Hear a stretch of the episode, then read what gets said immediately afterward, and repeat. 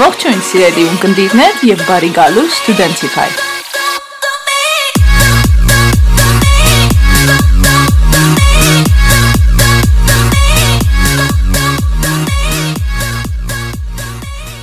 Ողջույն բոլորին, շնորհակալություն, որ նորից միացել եք Studentify-ին, ինչպես տեսնում եք, այսինքն լսում եք, մեր երկրորդ էպիզոդն է արդեն եւ նորից կրկնեմ ինչի մասին է Studentify-ը ինքը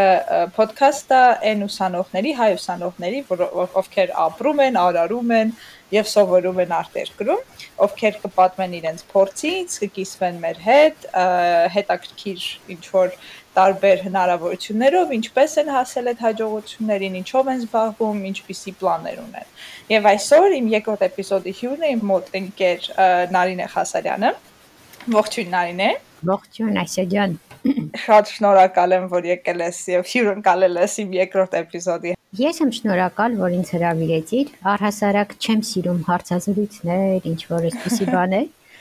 բայց չէի կարող քեզ մերժել ու այն ֆորմատը, ինչ որ դու ներկայացնում ես, շատ ինձ դուր եկավ այդ պատճառով համաձայնվեցի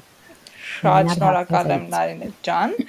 Մի փոքր ես ինքս փորձեմ Նարինեին ներկայացնեմ, բայց ինձ թվում է մեր ժամանակը երևի չհերիքի եկան բարերի, որ Նարինեն հասցրել անել բայց ես իրոք ուզում եմ նշեմ, որ Նայնեն են եզակի մարդկանցից է, ով ինձ միշտ ոգեշնչել է ինչ որ հետաքրքիր քայլերի գնալ, հետաքրքիր տեղեր դիմել սովորելու, ինչ որ իրոք ժամանակի ընթացքում ես շատ եմ Նարինեին ոնց որ իմ համար sense մեծ inspiration համարել։ Չգիտեմ, ես երբեք չեմ ասել Նարինեին դրա մասին, իսկ թվում է podcast-ը լավագույն միջոցն է դրա մասին խոսելու։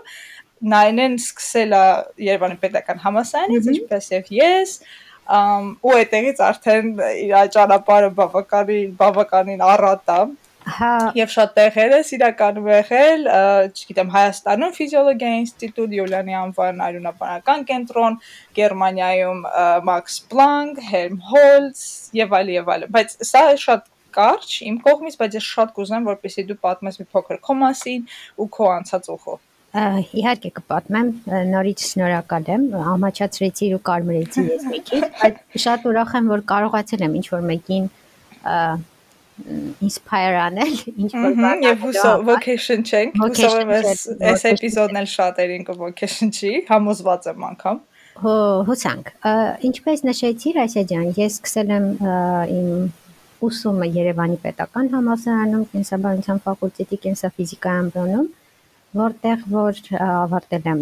բակալավրը, այնուհետև մագիստրոսի կոչումը հենց ստացել եմ այդտեղ, որից հետո սովորել եմ ասպիրանտուրա։ Այժմ զբաղվում եմ եւ սկսել եմ արդեն իմ գիտական ուղին։ Գիտական իմ հետաքրքրվածությունը ոլորտը դա քաղցկեղի հետազոտությունն է։ Այնուհետև երկու տարի աշխատել եմ որպես հրավիրված գիտաշխատող Մաքս Պլանկի անվան գիտահետազոտական կենտրոնում, այնուհետև դրանից հետո մեկնել եմ Պորտուգալիա եւ 1 տարի շարունակել եմ իմ գիտական հետազոտություններն այնտեղ Աշխատել եմ նաև Տոկիո համալսարանում, վերջերս եմ ավարտել Հարվարդի բժշկական դպրոցի քաղցկեղի կենսաբանության եւ քաղցկեղի հետազոտության պոստդոկտորալ ծրագիրը։ Այժմ էլ գտնվում եմ Գերմանիայում եւ Max Planck-ի անվան փորձարարական բժշկության ինստիտուտում եւ նորից շարունակում եմ իմ գիտահետազոտական աշխատանքը։ Այս ամենի հետ այս ամենի հետ միասին նաև ղեկավարում եմ մոլեկուլային կենսաբանության բաժանում քարոնաբանական կենտրոն բա որ ասում եմ inspiring է իրականում շատ հետաքրքիր է նարին ու առաջին հարցը որ ինձ թվում է բոլորին էլ շատ հետաքրքիր կլինի ինչ ռեսուրսներից ես դու օգտվել, ինչպիսի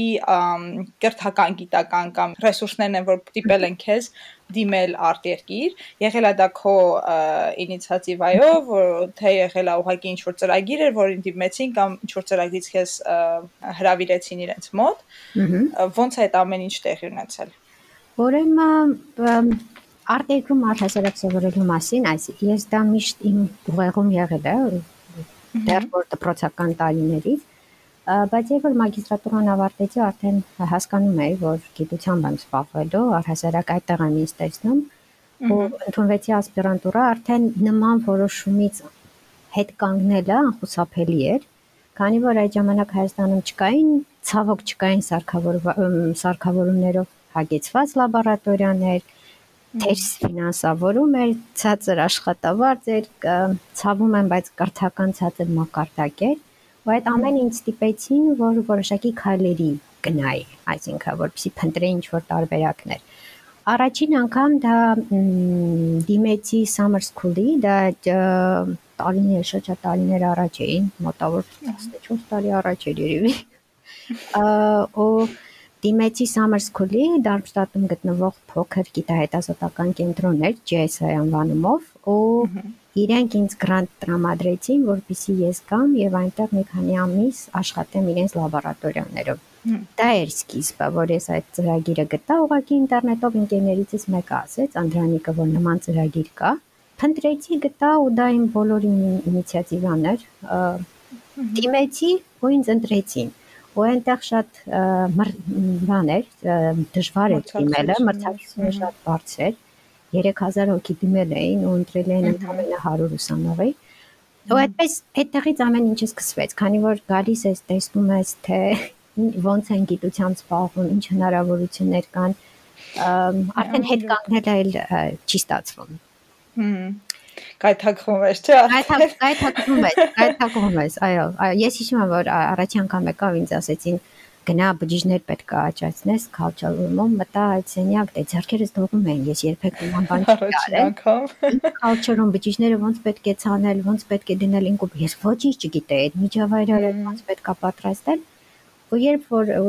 իմ ղեկավարը ասեց ու քանի որ Հայաստանում սովոր ենք, չէ, որ պիպետը մի քանի անգամ օգտագործենք, լվանանք, հետո ինչ որ բան ասեց։ Այո, ու ինձ իմ ղեկավարը ասեց, Նարինե ասма, մի անհանգստացի, ինստիտուտը շատ հարուստ է, թափի։ Օգտագործի։ Ու որ ամեն ինչը դե դու դա տեսնում ես, էլ անընդհատ մտածում ես, որ այստեղ պետք է աշխատես ու դրանից հետո արդեն, երբ որ դրանից հետո վերադարձա Հայաստան, Ուղղակի մի պրոֆեսոր կար, որի հոդվածները կարդացել էի, պրոֆեսոր Լուիս Պարդոն, ում հետ հենց հիմա էլ աշխատում եմ ու վերջին 10 տարում համագործակցում ենք միասին։ Իր հոդվածներն էի կարդացել, որ ինքը մի հատ իոնային անցուղիների հետ է աշխատում ու ինքը Page-Clam մեթոդի հիմնադիրներից մեկն է աշխարհում։ Հոդվածը կարդացել էի, ողջևորվել էի, իրեն նամակ գրեցի, որ ես ես ես ես մարդն եմ, նման կրթություն ունեմ ու այսպիսի մի իդեա ունեմ, գաղափար, ու շատ կուզենայի, որ գայի ու ձեր լաբորատորիայում աշխատեի, եթե հնարավոր տարբերակներ կան։ Այդպես նամակը գրեցի, ուղարկեցի, անցավ 1.5 ամիս ես պատասխան չէի ստացել իրեն։ Արդեն հույս չկար։ Ես արդեն մոռացել էի, որ նման նամակ գրել։ Ու նամակը էլեկտրոնային, երբ որ մեյլը ստուգեցի, մեկ էլ պատասխան ստացա պրոֆեսոր Պարդոից, Լուիսից, Բացեցի նամակը կարդացի, որ այո, Նարինե you are welcome, մենք կարող ենք համագործակցել, ուղղակի այս 1.5 ամսվա ընթացքում ձեզ չէի պատասխանում, քանի որ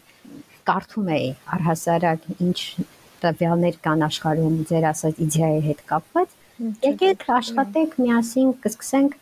աշխատել, միասին գրանտ կգրենք, ու այդպես ամեն ինչը սկսվեց։ Միասին գրանտ գրեցինք, դիմեցինք գերմանական գրանտի այստեղ։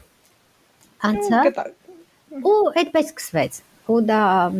երկրորդ այց, երրորդ այց, չորրորդ այց, հինգերորդ այց, վեցերորդ այդպես ամեն ինչ սկսվեց եւ սկսվեց լավ ընկերություն եւ սկսվեց լավ համագործակցություն։ Ինչ հետաքրքիր է, չէ՞, Նանին, ուղղակի, որովհետեւ շատ մարդիկ ինձ թվում է Հայաստանում պատկերացնում են, որ անկարագրելի ռեսուրսներ պետք է ունենաս, պետք է ինչ-որ շատ մեծ բագաժ ունենաս գիտելիքային, դա իհարկե դա բնականաբար շատ կարեւոր է, բայց ինքը շատ բարձ կարա լինի։ Ուղղակի մեյլ ես գրում, եթե դու շատ լավ իդեա ունես, փորձում ես համագործակցել ու կապ չունի դա։ Ինձ է դու դու ինքդ էլ ես նկատել այստեղ Եվրոպայում, որ կապ չունի պրոֆեսորա, թե չգիտեմ, postdoc-ա կամ PhD-ա կամ ուրիշ տարբեր միջավայրերում, դու հասկանում ես, որ մարդիկ շատ հասարակ են նայում ամեն ինչին ու եթե իրոք ունես լավ իդեա, ինքը շատ հեշտությամբ կարելի է դա իրագործել։ Այո, ուղղակի պետք է չվախենալ ու համարձակվել ու պետք է շատ լավ խորհուրդ ա մեր լսողներին։ Ու պետք է գնալ քո նպատակի հետևից։ Այսինքն ես դա չեմ ասում երազանք, երազանքը պետք է փոխել այդ բառը նպատակի հետ ու գնալ քո նպատակի հետ ամեն օր։ Ես միշտ ասում եմ իմ իմ քույրերը, իմ ընտանիքը, իմ ընկերները շատ լավ գիտեն դրա մասին։ Մի նամակը, այդ մի նամակը իմ ամբողջ կյանքը փոխեց։ Ամբողջ կյանքը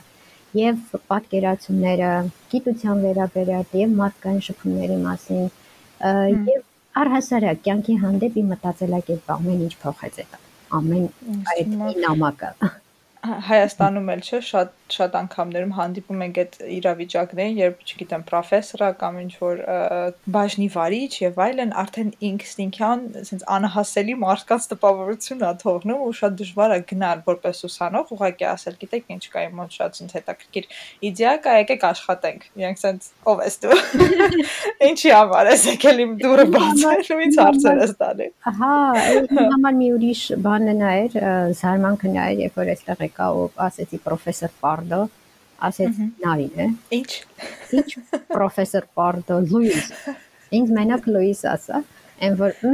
լավ, իմ համար դա էլ հաղթահարելը շատ դժվար։ Նույնը երբ որ Պորտուգալիայում 1 տարի աշխատեցի ու լաբորատորիա ղեկավարին այդտեղ դիմում էի պրոֆեսոր Լոգարինա, ասում էր նարն է, անունս Էլզա է։ Ինձ որ Լոգարինա ես ասում, ես պարավ կին եմ ինձ պատկերա։ Ինձ դիմի Էլզա անունով, ու տենց Հա, ընկերական։ Ընկերականը այստեղ բոլորը հավասարը հավասարին են նայում, ասել չեն նայում որ ուսանող այս օքեյ մագիստրոսից։ Այո։ Այո, այդ այստեղ այդպես է, այդպես չի որ հեշտ է, ես չի որ ես ասում եմ շատ հեշտ է, կան ինչ որ ղեկավարներ, որոնք այդպես չեն։ Ես այդպիսի դեպքեր գիտեմ, բայց ես շատ բախտավոր մարդ եմ, քանի որ իմ կյանքում հանդիպած բոլոր մարդիկ շատ լավ են ինձ վերաբերվել ու միշտ բոլոր հարցերում օգնել ու ընդառաջել են։ Ու իմ բախտը բոլոր իմ ղեկավարների, բոլոր մարդկանց հարցում կարևոր է դա։ Ահա։ Նարին, խոսեցիր ընտանիքից, քույրերիցդ, մի փոքր ինձ թվում է էդ էլ է շատ կարևոր պատմես ուղղակի քո ընտանիքի մասին, որովհետև ես ինքս ճանաչում եմ քո քույրիկին, Վոհարին, հուսով ինքը հիմա մեզ լսում է։ Ու ինքս տեսնելով ձեր ընտանիքի մոդելը եւ ընտանիքի օրինակը, տեսնում եմ, թե բոլոր քույրերով ինչքան մեծ հաջողությունների եք հասել ու իրոք շատ կուզեմ, որպեսի պատմես, թե ոնց հա դա տեղի ունեցել։ Իմ պատկերացմամբ շատ པարզ եւ լակոնիկ, որտեվ բոլորը ձգտել եք շատ հետաքրքիր ու կարեւոր ինչ որ բաների ձեր կյանքում ու ուղակի հասել եք իրաց։ Ես մի հատ շատ པարզ իրավիճակ է, բայց ինքս տեսել եմ թե Գոհարի առումով, թե քո առումով, կուզեմ մի փոքր պատմես ձեր ընտանիքի մոդելի ու ոնց իրանք տարան այդ քո որոշումը, երբ որոշեցիր արտերկիր մեկնել ընտանիքի հետ առհասարակ արտերկիր գալու հետ կապված խնդիրներ չեն եղել։ Ծնողները շատ կրթված մարդիկ են եղել եւ միշտ ուսումը մեր ընտանիքում առաջին տեղում է եղել ամենակարևորը դա է եղել ուսումը սովորել սովորել սովորել ուրիշ ոչինչի մասին պետք է չմտածել մի քիչ սովետական բայց կարևոր մայրս շատ առաջադեմ կին էր ու ինքը անգլերենի մասնագետ էր դասավանդում էր կապանի բժշկական ուսումնարանում հայրս տեղագործ էր երկուսն էլ շատ-շատ առաջադեմ մարդիկ էին Ցավոք մայրս արդեն չկար, երբ առաջին անգամ Գերմանիա եկա, բայց երբ հիշում եմ, երբ որ առաջին անգամ լուրը ստացա արդեն, որ պետք է մեկնեմ Գերմանիա, զանգահարեցի papaիս ու անմիջապես ասեցի, որ վայ, papa գիտես, երկու ամսից արդեն Գերմանիա պետք է գնամ, հրավեր ունեմ։ Շատ-շատ ուրախացա, բայց ինքը անմիջապես հեռախոսը իջեցրեց։ Չանցած 5 րոպե նորից հետ զանգահարեց ու ասեց գալու ես չէ հետ։ Իր համար դա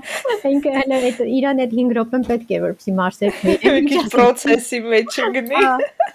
Աստի իհարկե գալու եմ, պապ։ Ինչ վերաբերվում է, քանի որ արդեն նշեցի, որ ուսումը մեր ընտանիքում առաջին տեղում ա եղել։ Դու գոհարի մենակ գիտես, այսօրյան, բայց ես ունեմ 5 տաղանդավոր քույր, մենք 6 քույրեր ենք ընտանիքում։ Գոհարը Գոհարն էլ հիմա այստեղ երեք չանցած օրը արդեն տեղափոխվեց Բերլին բոնի։ Բերլին, արդեն մոտիկայից։ Հա, արդեն կարող ես իրան գնալ հյուր։ Ու ինքը այսպեսի աշխատել տարածաշրջանի Եվրոպայի ամենահայտնի իր ոլորտի մեջ ինստիտուտներից մեկում, Սալֆում։ Ու արդեն կլինի որպես senior tracker, ես չգիտեմ հայերեն ոնց կարող են։ Հա, այսինքն այդ երբ որ նու Գերմանիայի համակարգում, ինչքան ես եմ հասկանում, դա երբ որ PhD-ն ավարտում ես, post-doc-ից հետո դա ամենա լավ ճանապարհն է դեպի professor։ Professor, ոնց որ associated professor-ի նման ինչ որ մի բան։ Գայանեն հիմա ամենափոքր քույրիկս Ֆինլանդիայում է սովորում, ասպիրանտ ֆայն է այնտեղ սովորում։ Իսկ քույրս շատ հայտնի մանկաբույժ է Հայաստանում, կարծում եմ Հայաստանի կեսը հրաչուհուն ճանաչում է երեխանի։ Ինչ որ Կարմենը զբաղվում է այբում է դասավանդում անգլերեն, Անուշը ոստիկանությունում է աշխատում, քիմիկ է։ Այսինքն դա ծնողներիս ներդրումն է մեր մեջ։ Անկարագրելի է։ Հա, իրենք են մեր մեջ այդ ամեն ինչը ներդրել, որ պետք է սովորել ամեն օր, պետք է աշխատել։ Ես միշտ մի բան եմ հիշում, մայրս 29 տարի դասավանդել է անգլերեն, բայց ինքը մինչև վերջին օրն էլ լեսարան գնալուց առաջ գիրքը կարդում էր, անգլերենի թերթում էր։ Ասում է՝ «Մամ, անգլերենը ոչ փոխվեց»։ Գնալու ես նույն բանը բացատրես այդ երեխեքին։ Ինչի՞ ես թերթում, այրս ասում էր՝ «Ոչ»։ Ամեն մասնագետ պետք է լեսարան մտնելուց առաջ մի հատ նորից թերթի ու նորից կրկնի, վերհիշի, ինչ է խոսելու ընտանիքից է, ընտանիքի ներդրումն է։ Մեծ, մեծ, մեծ ներդրումն է ու իրենց աշխատանքն է, որ այսօր մենք ունենք այն ինչ որ ունենք։ Նարին, ինչ խորհուրդ կտաս ենթադրենք այն երեխեքին, ովքեր բնական արդեն սովորում են Երևանում, ենթադրենք Երևանի պետական համալսարան կամ մեկ այլ ուրիշ բուհական հաստատությունում, ոնց սկսեն այդ ուղին։ Այսինքն շատ ժամանակ ես հիշում եմ ինքս ինձ, երբ ես քո ասած պես ունեի մտքումս, որ պետքա ուզում եմ շարունակեմ կրթությունս արտերկրում, ու իրոք ամեն ինչ սկսվեց ուղակի ինտերնետում փորփրելուց, ինչ որ քեզնից լսելուց, մեր ընդհանուր ընկերների հետ խոսելուց եւ այլն։ Պատկերացնենք հիմա մեզ լսում են ուսանողներ, ովքեր չգիտեն որտեղից սկսեն։ Դու իրանց ինչ խորհուրդ կտաս։ Առաջին ենթադրեն 2-3 քայլը, որը կտանի ավելի լավ ուսման։ Ավելի լավ ուսման որ կտանի, ես բոլոր ուսանողներին խորհուրդ կտայի, որ քրտնաջանորեն աշխատեին, ամեն օր դասովորեին, ամեն օր գիտելիք նոր փորձեին, կարդալ, նոր հոդված կարդալ։ Ես դա խորհուրդ կտայի, որովհետև գիտելիքն է, որ 21-րդ դարի զենքն է Ասիաջանը, որ գիտելիքն է, որ կբացի բոլորի արջը բոլոր փակ դռները։ Ես իրենց կխորհուրդ կտայի, որ չվախենան ինչ որ մի բանին դիմելու, ինչ որ կրթական ծրագիր է, ինչ որ գրանտի է, դա կադնա, դադնա, տարբեր շատ-շատ ծրագրեր կան, որ կարող են դիմել ու չվախենան բացասական արդյունքից, որովհետև ես իմ փորձից կարող եմ ասել, որ 10 տեղ դիմելու դեպքում մեկը կստացվի, հաջող կստացվի։ Այսինքն միշտ keep applying, չվախենան երբեք դրանից միշտ իրենց առաջ մեծ նպատակներ դնեն ու առաջ գնան ու հասնեն այդ նպատակներին։ Ինչքան մեծ այդ նպատակը երևում, ինչքան էլ աննկարագրելի է մտածում ես, չես հասնի երբեք այդ Չէ, եթե քայլ քայլ աշխատես, դու անպայման կհասնես։ Աշխարհում չկա մի բան, որ չստացվի կամ անհասանելի լինի։ Եթե մարդ մի բան շատ շատ շատ շատ ուզում է, անպայման դա կհաջողվի։ Հետո ինչ խորհուրդ կտայի։ Ես խորհուրդ կտայի, որ լեզուն շատ-շատ լավ սովորեին, անգլերեն սովորեին ու աշխատեին կարդալ ամբողջ գրականությունը անգլերենով, չբավարարվեին դասախոսի տված լեկցիաներով, որովհետև մեր մոտ դա ընդունված է, որ մենք լեկցիաները անգիրանում ենք ու գրում քննություն ենք անցնում։ Դա ամեն ինչ փոխվել է, գիտությունը ամեն օր փոխվում է, գիտելիքն ամեն օր փոխվում է։ Իրենք կարող են մտնել PubMed ու կարդալ նոր ստանալ նոր գիտելիք, դա հնարավոր է անգլերենով։ Ամենակարևորը արդեն ապացուցված գիտելիք ավելի ճիշտ վերջին նորույթները, այսպես ասած թեկուզ ես հիշում եմ մենք գիտությամբ երբ որ կենսաբանության ֆակուլտետում էինք շատ դեպքերում մենք գրքերով էինք անցնում որոնք չգիտեմ 60-ականներից մնացած էին իհարկե հասկանում եմ որ շատ որոշակի բաներ չեն փոխվել գիտության մեջ բայց բաներ էլ կան որ արդեն փոխվել են, ինչ որ հետազոտություններ են նոր ու դու փորձում ես իրոք համահունչ պետքա լինես, չէ՞։ Համահունչ պետք է։ Օրինակի համար մի քիչ շեղվեմ, ոսկրի կառուցված բաղադրությունը չի փոխվել կամ արյան բաղադրությունը, բայց հիմա ամբողջ աշխարհը խոսում է CRISPR տեխնոլոգիայի մասին, որը միջոց է գենոմը խմբագրելու, որը թույլ է տալիս գիտնականներին դնթե հաջորդականություն փոխել ու մոդիֆիկացնել գենի ֆունկցիան։ Միջոց, որի որը կարող է օգտագործվել, չգիտեմ, շտկել գենետիկական դեֆեկտները, բուժել տարբեր հիվանդություններ կամ կանխել որոշակի հիվանդություններ։ Մեզ նման բաներ չեն կրթում, չեն ասում։ Մեր մեր տված գիտելիքը շատ հին է ու ոչ ժամանակակից ես կասեի։ Թող կարան նոր ինչ է կատարվում աշխարհում, ինչ նոր մեթոդներ կան։ Լինեն համարձակ, այս ջան, լինեն համարձակ չվախենան չվախենան դժվարություններից չվախենան այո քանի որ դինեն համարձակ որովհետև ես միշտ ասում եմ գործելու համար ինչ որ մի բան սկսելու համար առաջինը համարձակություն է պետք նարին խոսեցինք դրա մասին դու ես ինքս գիտեմ որ արդեն դու գլխավորում ես քո լաբորատորիան արյունաբանական կենտրոնում, չէ՞, ինչքան ճիշտ եմ, չէ՞, ամեն ինչ։ Դուք դու ստուգի իմ ինֆորմացիան, որովհետև շատ դժվար է քո հետևից, you know, update անելը։ Բայց երկու հարց, որ իմ համար շատ կարևոր է տալ քեզ, ինչ պլաններ ունես հետագայում Հայաստանի հետ կապված, ինչ ծրագրեր, դե արդեն բնականաբար կոլաբորատորիան ունես, դա արդեն շատ, շատ, շատ մեծ ներդրում է։ Սեփական լաբորատորիան է։ Չէ, իհարկե, բայց ամեն դեպքում դու գլխավորում ես իրան ու այդ շատ մեծ ներդրում է իմ կարծիքով, այսինքն քեզնից շատ բան է կախված։ Պատասխանատվություն շատ մեծ։ Հա, եւ եթե հնարավորություն դա առաջին հարցը եւ եթե հնարավորություն ունենայիր ինչ կփոխեիր կրթական համակարգում Սկսենք առաջին հարցից։ Նախ նպատակների հետ կապված ու Հայաստանի հետ կապված պլանավորում եմ ապրիլի կեսերին վերադառնալ Հայաստան ու այնտեղ մենք պլանավորում ենք արունաբանական կենտրոնում սկսել ալոտրանսպլանտացիան առաջին անգամ Հայաստանում մանգաղաձև անեմիայով հիվանդների համար ու որոշակի նոր մեթոդներ պետք է ներդրվեն լաբորատորիայում, պետք է գնալ ու այդ բոլոր լաբորատոր թեստերը ներդնել լաբորատորիայում, դա առաջին պլանն է։ Երկրորդը պլանավորում եմ, որ պետք է շատ խոշոր գրանտ գրել, որտեղ կլինեն իմ բոլոր գործընկերները Ճապոնիայի, Գերմանիայի եւ Պորտուգալիայի ու կդիմենք խոշոր գրանտի գիտակ հետազոտական։ Դա երկրորդ պլան է, որովհետև 2022-ին պլանավորում ենք դիմել այդ գրանտի համար։ Մյուսը, քանի որ այստեղ ունեն բավականին լավ արդյունքներ, պետք է արդեն Հայաստանում հոդված գրել եւ տպագրել ինչ որ աստեցության բարձր գործել, բարձր գործակցություն ունեցող բարբերականում պլաներ ունեմ նաև Ճապոնիա գնալու տեսնենք ոնց կստացվի քանի որ հիմա պատմություններից COVID-ը հիմա շատ սահմանափակում է մեր բոլոր պլանները, բայց տեսնենք, տեսնենք ոնց կստացվի, բայց առաջինը դա տրանսպլանտացիայի հետ կապված հարցերի լուծումն է, հետո արդեն մյուս մյուսները։ Պլանները նմանատիպ են։ Կրթական համակարգի հետ կապված, երկրորդ հարցի հետ կապված այս ջան, կրթական համակարգը կարծում եմ Հայաստանում ամբողջությամբ պետք է փոխել։ Ու այդ թեմայով շատ բարձ պատասխան։ Այո, ու այդ թեմայով անverջ կարելի է խոսել։ Կրթությունը պետք է փոխել մանկապարտեզից մինչև համալսարան։ Բայց ինչ որ որ կուզենայի հստակ նշել մի բան, դա որ բոլորը հասկանային, թե ծնողները, թե բալիկները, թե ուսանողները, որ գիտելիքը դա բացարձակ արժեք է, որ դպրոց, համասարան չեն գնում գնահատական ստանալու համար, այլ գնում են դպրոց գիտելիք ձեռք բերելու համար։ Երբ որ մենք դա այդ ամբողջը հասկանանք,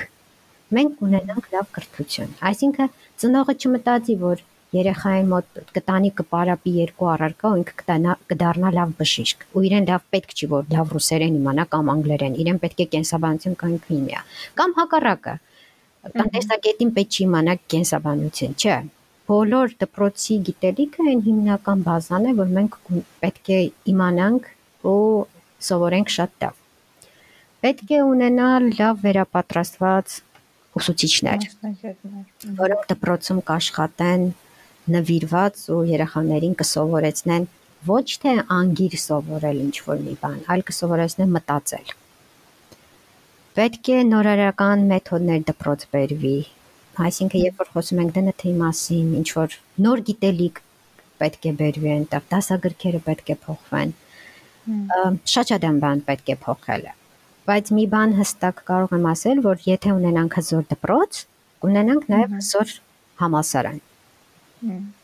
Եվ գիտություն, եւ եւ գիտություն կունենանք եւ շատ-շատ առաջ կգնա, երբ որ դպրոցը լավ լինի, երբ որ այնտեղ արդեն բազան լավ կլինի, համասարանն էլ համասարան համասարանն էլ շատ-շատ ուժեղ կլինի։ Համասարանում էլ ամեն ինչը կփոխեի, որովհետև մեր մոտ կրթական համակարգում մարդիկ մտածում են, որ բոլորը պետք է ունենան բարձրագույն կրթություն, ու իրենց մոտ նենց նենց են մտածում, որ եթե ավարտում ես բան, bachelor degree ունես, դա թերի մասնագիտացում ունես դու։ Պետք է անպայման գնաս ու մագիստրատուրա ավարտես։ Այդպիսի բան չկա, չէ։ Մագիստրատուրա պետք է գնան այն մարդիկ, ովքեր որ պլանավորում են հետագայում ասպիրանտուրայում սովորել։ Ինչ կփոխեի, մագիստրատուրան անպայման կդարձնեի անգլերեն լեզվով, այո։ Իսկ հետագայում արդեն նաև բակալավրը կդարձնեի անգլերեն։ Անպայման կմտցնեի նաև առարկա գիտական գրագրություն Այսինքն academic writing, writing ահա։ Ահա։ Ու դա ոչ միայն վերաբերվում է գիտության, չէ, ոչ միայն ոնց մի ոչ միայն գրել, ինչպես գրել հոդված, ինչպես գրել կրանտ, այլ նաև տարական, ինչպես գրել email։ Որովհետև դա էլ է շատ կարևոր։ Բարձ։ Շատ բարձ։ Ես որ հիշում եմ, նայում եմ իմ 10 տարի առաջ վագրված նամակները էլեկտրոնային ու հիմա քեզ հասկանում։ Ինչ ինքս վրա եմ ծիծաղում, ոնց ոնց կարող էի ես այսպեսի նամակներ։ Բայց ինձ այն այդ իրոք process է, ինձ թվում է շատ ինքը բարդ process է, բայց պետք է մարդիկ անցնեն ու անպայման չի այդ process-ը իրոք շատ բարդ լինի, հնարավոր է ուղղակի սովորացնել այդ։ Այսինքն իհարկե ինձ թվում է էլի ես կգնամ ինչ-որ անցյալ, երբ որ կասեմ, չգիտեմ, 8 տարի առաջ, երբ որ ես Հայաստանում էի, երբ որ ուսանող էի, որովհետև այն ժամանակ իրոք շատ բարդ էր։ Պետք է ինքդ ինքդ գլուխ աներ, ինչ որ շատ սխալներ աներ, շատ դեպքերում մերժումներ ստաներ, ուղղակի քո ասած տրիվիալ ոչ լավ email գրելու պատճառով, այսինքն sense բաները, որոնք իրոք process է ու շատ բարդ process է իրականում։ Ու այդ հնարավոր է շտկել այդ հնարավոր է ինչ որ դասաժամերով փորձել ուսանողներին այդ շատ կարևոր սկիլերը գրել CV-ի ձև, ոնց գրել CV, դա էլ է շատ կարևոր։ Մեզ դա ոչ ոք չի սովորեցնում ցավոք, բայց դա շատ շատ շատ կարևոր է քո մասին տպավորություն կազմելու։ Իսկ հիմա դու որոշակի շփում ինձ թվում է ունես ուսանողների հետ, քանի որ կապված լաբորատորիայի հետ, ինչքան հասկանում եմ։ Ինչ ես կարծում, ինչպիսի իրավիճակում են ուսանողները, կա արդեն ավելի, որտեվ համեմատած մեր ժամանակներով հիմա, որpիսի չստացվի այնպես, որ մենք դեռ ամեն ինչ համեմատում ենք անցյալի հետ, ասում եմ, հա, մեր ժամանակ շատ վատ էր։ Ժամանակ շատ։ Ասում եմ, իրոք Չէ, չէ, նողները ասում են, մեր ժամանակ շատ լավ էր իրացված։ Չէ, ուղղակի որ հասկանանք, էլի հիմա ինչպիսի վիճակում է ուսանողությունը, միգուցե փոխվել են այս իրավիճակը, միգուցե արդեն իրանք են հասկանում, որ ռեսուրսներից կարելի է օգտվել, ինտերնետը ավելի բաց է բոլորի համար, բայց միևնույն ժամանակ այդ բոլոր ռեսուրսների հնարավորությունների դեպքում իրանք հետաքրքրություն ցուցաբերում են, թե ոչ։ Ինչ կարծիք ես դժբախտաբար կասեմ ոչ, որովհետև մեր ես այն ինչ որ տեսնում եմ, միգուցե սխալ եմ, ինչ որ մոտիվացիա ես չեմ տեսնում հիմա մեր ուսանողների մեջ այս։ Դա շատ շատ լավ է, երբ որ տեսնում ես, որ երեխաները մոտիվացված չեն։ Իրենք գալիս են, որպեսզի այդ բանը նայեն իրենց լաբորատորիայի այդ գործը անեն, արագ-արագ գնան տուն։ Բայց որ մի հատ ավել 5 րոպե նստեն, մի հատ հոդված կարդան, բան մի բան մտածեն, չէ Իրենք բավարարվում են նրանով, որ իրենց ասես դու սա արա, իրենք դա կանեն։ Բայց ավելին ինիցիատիվա իրենց կողմից ես երբեք դա չեմ տեսել այս վերջին ժամանակը։ Ինչ ես կարծում, խնդիրը որն է, այսինքն ինչու պակասն է դա բերում։ Չգիտեմ, չեմ կարող ասել, միգուցե բարթաճ։ Շատ բարդ։ Որովհետև ինձ թվում է իմ համար շատ կարևոր է նաև այս ոդքասթի իմաստը նաև նրանում է, որ փորձել այդ մոտիվացիան ինչ որ կերպ մտցնել իրանց մոտ կամ ոչ թե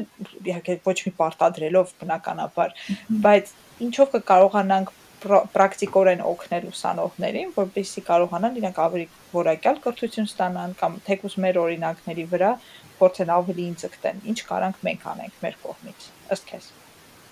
մեր կողմից ասել, որ ես ասում եմ, որ պետք է իրենք փորձեն ու չվախենան։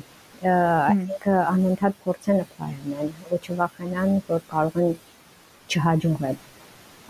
Պետք է keep applying անեն, շատ-շատ լավ սովորեն Քանի որ նաև այն գիտելիքը, որ մենք Հայաստանում ստանում ենք, ցավալի է, բայց երբ որ ես եկա այստեղ, ես այնտեղ լավ էի սովորում, բայց այստեղ այդ գիտելիքը ինձ բացարձակ չօգնեց ու ես շատ-շատ ինձ հատ էի զգում, որովհետև այն գիտելիքը, որ ստացել եմ այնտեղ, ոնց որ ոչինչ ստացած չլինեի։ Ոնց որ հատ թուղթ լիներ դատարկ։ Ու ես հիշում եմ, սկզբի ամիսներին ես գիշեր-ցերեկ սովորում էի ու անընդհատ լացում էի, որովհետև տեսնում էի, թե այստեղի ուսանողը ինչ գիտի ու ես ինչ չգիտեմ ու ես դրա համար էլ էի ամաչում։ Համաձայն եմ քետնային, ես հիշում եմ իմ մոտ հենց նույն իրավիճակն ա եղել առաջին իմ սեմեստրը դա Ուպսալայում է Շվեդիայում ու ես հիշում եմ ես ինձ համարել եմ նորմալ սովորող ուսանող ասել թե շատ բարձր գնահատականներ եմ իշտացել կամ ուշադրություն եմ դարձրել գնահատականներին սուտ կլինի ինձ թվում է եթե իմ կուրսեցիները համակուրսեցիները լսում են հիմա ինձ իրանք էլ կհաստատեն բայց ես հիշում եմ որ երբ եկա երևի իմ 4 տարվա գիտելիքը անկեղծ ամփոփվեց 4 դասով։ Ու այդ այնքան չգիտեմ, sense քեզ փշրում է ներսից։ կա, հետո մտածում ես, ասում ես ես հաստատ լավ էի սովորում այնտեղ։ Չէ։ Հա, այդ էր իմ խնդիրը, միգուցե ես շատ շատ վատ ուսանող եմ եղել, այդ շատ դժվար է։ Իրականում առաջին իմ 6 ամիսը նաև լեզվի խնդիրների պատճառով շատ բարդ է անցել։ Այսինքն կային ժամանակներ, որ քո ասածի պես ես դուրս չէի գալիս գրադարանից, որովհետև զուտ ուղակի փորձում էի ինձ գոնե մի փոքր հասցնել այն մակարդակին, այն բազային մակարդակին, որը որը ունեին իմ համակուրսեցիները այնտեղ խայտարակություն էր պատկերացնել այդ մեծ տարբերությունը իմ գիտելիքների ու իրանց գիտելիքների ու այդ այնքան ցավոտ է երբ որ հասկանում ես որ 4 տարի որը դու անցկացրել ես հասկանում ես, որ անիմաստ, այսինքն անիմաստ չէ, բայց իրոք ինքը 4 դասով կարելի է ժամ փոփել եւ առաջ գնալ։ Այդ շատ շատ ցավալի է, բայց մյուս նաեւ ցավալին նա է, քիչ երիկ մի հատ հին գիտելիք ենք ստանում այնտեղ շատ-շատ հին։ Ընդհանրապես պրակտիկա այնտեղ բացակայում է որպես այդպեսին, այսինքն դու քո ձեռքով ոչ ոչ գիտես PCR անելը, ոչ գիտես ինչ որ culturing անելը, ոչ գիտես fish մեթոդը ինչ է, տարական գիտելիք լաբորատորիայում աշխատելու դու չգիտես ես հիշում եմ առաջի անգամ որ ես եկա այստեղ ու Լուիսը ասեց այս լաբորատորիան այս սառնարանները ու հսկայական լաբորատորիան այս դու դու երկու պրոյեկտը գիտես այս էլ voltage clamp սարքը գնա ու աշխատի ես այսպես զարմացած իրան էի նայում ու այնպես չէ էլի որ լաբորատորիան սառնարանը մի սառնարան է չէ բազմաթիվ սառնարաններ են սենյակները բազմաթիվ եւ բազմաթիվի սարքերը բազմահազար ու դու պետք է այդ ամեն ինչից գլուխ հանես չգիտեմ, այդ դա որ պետք է նաև էլ փոխել, որ մեր ուսանողները նաև ունենան հնարավորություն տարական պրակտիկ հմտություններ իրենց ավարտելուց հետո որպեսզի իմանան։ Հիմա էլ օրինակի համար որ երբ որ մենք լաբորատորիայում աշխատակից ենք ընդունում համասարանի նոր ավարտած, բոլորը գալիս են ու առաջին փաստը որ ինձ նշում են, ասում են Նան է, մենք կարմիր դիպլոմով ենք ավարտել։ Կարմիր դիպլոմը իմ համար բացարձակ ոչ մի դեր չունի, այն էլ կներեք, այն էլ համասարանի ավարտած կարմիր դիպլոմը ոչինչ չի ասում։ Այ եթե Հարվարդի կարմիր դիպլոմ լինի, մեծ ուրախությամբ։ Մեծ ուրախությամբ, բայց համասարանի կարմիր դիպլոմը ինձ թող ներեն բոլոր մեծ լսողները, ու ներեն բոլոր մեր դասախոսները, իր արժեքը կորցրել է։ Նայն, իսկ մի փոքր խոսենք քո ժամանակը դրսում, այսինքն Եվրոպայում, բայց դու ինչպես արդեն նշեցիր, նաև հելս Ամերիկայի Միացյալ Նահանգներում, երե երևույթ նշի, որ շատ դժվար էր քո համար հարմարվելը դրսում։ Ոյ, առաջինը իհարկե դա մենակությունն էր։ Ոչ ոքի չունեի ու դա շատ-շատ դժվար էր մենակ լինելը։ Երկրորդը, որ կնշեմ, դա քիչ հայերենով խոսելն էր, որ սկսում ես կարոտել հայերենով, հայերենով խոսելը ու նաև որ հա հայերենով խոսելն էր երրորդը այսինչ հարցրեցի Կիրակի օրը որ ոչ մի բան չի աշխատում օրինակ Գերմանիայում ամենացավոտն է մեր համար որ Կիրակի օրը լեռնես էլ ոչինչ չես գտնի ստեղ ու պետք է դու չաղմկես, Կիրակի օրը դա հանգստի օր է, ոչ միտեղ չես կարող գնալ փողոցներում ոչ մեկին չես գտնի, խանութները չեն աշխատում։ Սովորաբար այստեղ խնդիրը նա է, որ լաբորատորիա միշտ աշխատում ես ու այնպես է որ սուպերմարկետները 8-ից հետո չեն աշխատում ու Կիրակել չի աշխատում, դու մնում ես միշտ սոված։ Հա, ավելի դասը հիմա մենք այդ մեր ոդքասթը անում ենք այն պերիոդում, երբ որ հիմա սուբզատիկն է ու մեր մոտ էլ ոչ մի բան չի աշխատում մոտապես 3 օր։ Ուսով Մեր մոտ 5 օր Իսկ ուսովորաբար հետաքրքիր չէ cultural shock, այսինքն մշակութային շոկը, երբ տեսնում եմ մարդիկ այնքան առևտուր են անում, երբ որ անգամ մի օր չի աշխատելու սուպերմարկետները, ոնց որ աշխարհի վերջը լինի։ Չգիտեմ, եթե նկատել ես։ Գերմանացիներին դա բնորոշ է։ Ես մի զարմանում եմ, ասում լավ, 5 օր չի սուպերմարկետ աշխատել, ես ինչ են իրանց այսպես ու արդեն տեսնում ես, հերթեր են, հնարավոր չի ոչ մի բան առնել, դա հետաքրքիր է շատ ուսումնասիրել փոքրից։ Ու նաև մի բան էր, որ իմ համար շատ դժվար էր հարմարվել, դա եղանակը։ Այդ ու շատ եղանակը, որ անընդհատ անձրև, անընդհատ ցուրտ եղանակ, ամառ չկար, որ դու կարող ես ինչ-որ թեթև ինչ-որ հագնվել եղանակը միշտ որ ասենք դեպրեսիվ տխուր ինչ որ բաներ է մանավանդ սկզբից երբ որ դու ընկեր չունես հարազատ չունես ծանոթ չունես ոչ մի բան չունես պլյուս էլ տխուր անձրևոտ եղանակ շատ վատ է Նանին այն մի հարց, որ շատ է ինձ հետաքրքրում։ Երբ առաջին անգամ տեղափոխվում եք Եվրոպա, մի փոքր ավելի երկարաժամկետ ապրելու, ենթադրենք տեղափոխվենք այնտեղ մտովի այդ պահը։ Ինքդ քեզ ինչ խորհուրդ կտայր Եվրոպա տեղափոխվելուց առաջ։ Նախ խորհուրդ կտայի, որ մինչև տեղափոխվելը տվյալ երկրի մասին ավելի շատ կարդայի ու ավելի շատ ինֆորմացիա ունենայի դա ինքս ինձ խորհուրդ կտայի, որովհետև հիշում եմ, երբ որ առաջին օրը եկա, ես եկա հասա շաբաթ օր երեկոյան ու ես չգիտեի, որ այստեղ Կիրակի օրը չի աշխատում ոչինչ։ Ու այդպես մինչև երկու շաբթի ես ոչինչ չունեի։ Սոված։ Այո։ Ահա կարդալ, մինչև գալը ուսումնասիրել տվյալ երկրի սովորույթները, ինչ այդ երկրի մասին ամեն ինֆորմացիա, որը քեզ կօգնի կարդալ տվյալ երկրի մասին շատ ինքս ինչ էլի խորհուրդ կտայի։ Գերմաներեն կսովորեի։ Մեծագույն ցավը մեր բոլորի։ Ովքեր որ ապրում են Գերմանիայում, ինձ թվում է։ Ու կլինեի ավելի համարձակ, որովհետև ես որ առաջի անգամ եկա շատ շատ երեխա էի ու շատ շատ վախվեց էի ամեն հարցում։ Ինքս ինձ խորհուրդ կտայի, որ չվախենամ ու լինեմ ավելի համարձակ։ Երեք բան։ Ահա Գերմանիայի նախորոք կարդալ, լեզուն սովորել ու լինել ավելի համարձակ։ Հիմա այդքանով մենք կարող ենք մեր այսօրվա էպիզոդը ամփոփել, ըստ մը շատ կարևոր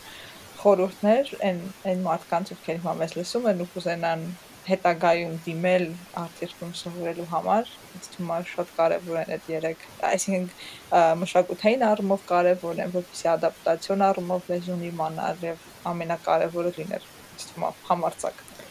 Լինեն, այո, այո։ Ու միշտ նաև նաև իմանալ, որ այստեղ սովորելը այդքան էլ հեշտ չի, ու պատրաստ լինեին, պատրաստ լինեն, որ այստեղ շատ դժվարություններ լինեն, դժվարություն գիշերները անքուն անցկացնել գրադարանում լինեն, որ